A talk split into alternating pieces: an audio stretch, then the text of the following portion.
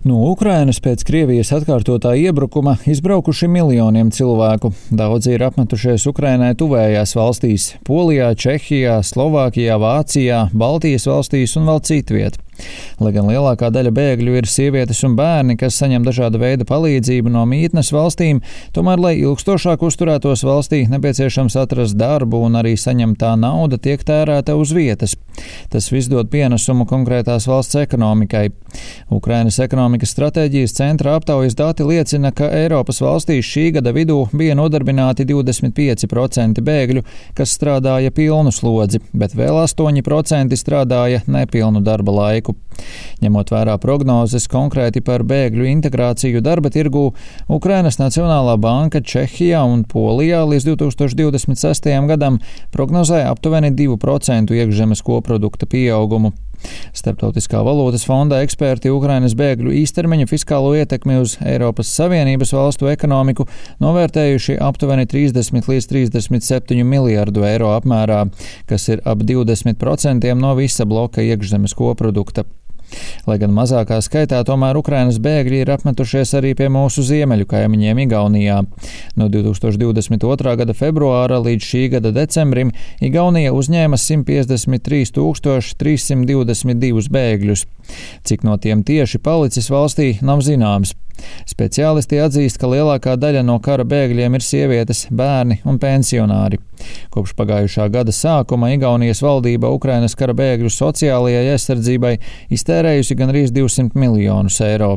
Tomēr Ukraiņu bēgļiem ir bijusi pozitīva ietekme uz Igaunijas ekonomiku. To Igaunijas sabiedriskajiem medijiem atzīst Big Bang galvenais ekonomists Rauls Eamets. Fakt on see, et eh, oludes, kus just madalapalgalistel Ja salīdzinām summas, ko Ukraiņu bēgļi saņem sociālo pabalstu veidā, tās ir ievērojami mazākas nekā tās, ko Ukraiņi atdod Igaunijas ekonomikai nodokļu veidā vai patērētāju aktivitātes rezultātā. Fakts ir tāds, ka apstākļos, kad mums trūka darba spēka zemu algu darbos, viņi noteikti palīdzēja mazināt šo trūkumu. mida nad tegelikult on Ukrainas teinud.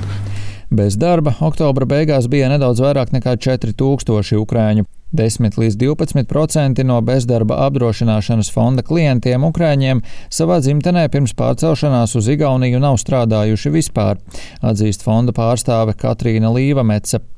Kopējais Igaunijā nodarbināto ukrāņu skaits pārsniedz 28 tūkstošus, un vidējā alga ir 1393 eiro brutto. 48% bēgļu strādā. No tiem liela daļa pagaidām gan nestrādā savā specialitātē. Lielākā daļa dodas strādāt uz apstrādes rūpniecību, kam seko tirzniecība, administratīvais darbs un pakalpojumi.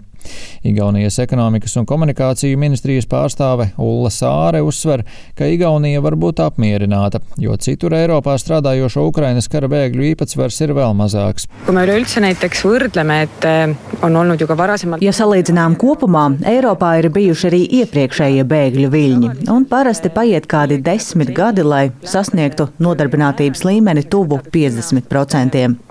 Mēs faktiski jau esam desmit gadus priekšā, ja salīdzinām ar iepriekšējiem bēgļu viļņiem. Un līdz ar to nodarbinātība līdzīgā apmērā kā vietējiem iedzīvotājiem varētu tikt sasniegta aptuveni 20 gadu laikā. eh, ees. Pēc Big Bang ekonomista Eamēca teiktā, sociālo maksājumu apjoms Ukrāņiem laika gaitā tiks samazināts. Viņa prāt agri vai vēlu bēgļi adekvāti pārvaldīs igauņu valodu un sasniegs kvalifikāciju atbilstoši Igaunijas likumdošanai. Tas nozīmē, ka lielāka daļa Ukrāņu varēs ieņemt augsti apmaksātus amatus un palīdzēt tikt galā ar darba spēka trūkumu, piemēram, izglītības un veselības aprūpes jomā lauku reģionos. Skaidrs, ka ilgtermiņā tas dos lielāku labumu Igaunijas ekonomikai. Lai gan liela daļa bēgļu norāda, ka vēlas atgriezties Ukrainā, tomēr nav skaidrs, vai un kad tas varētu notikt. Rihards Plūme, Latvijas radio.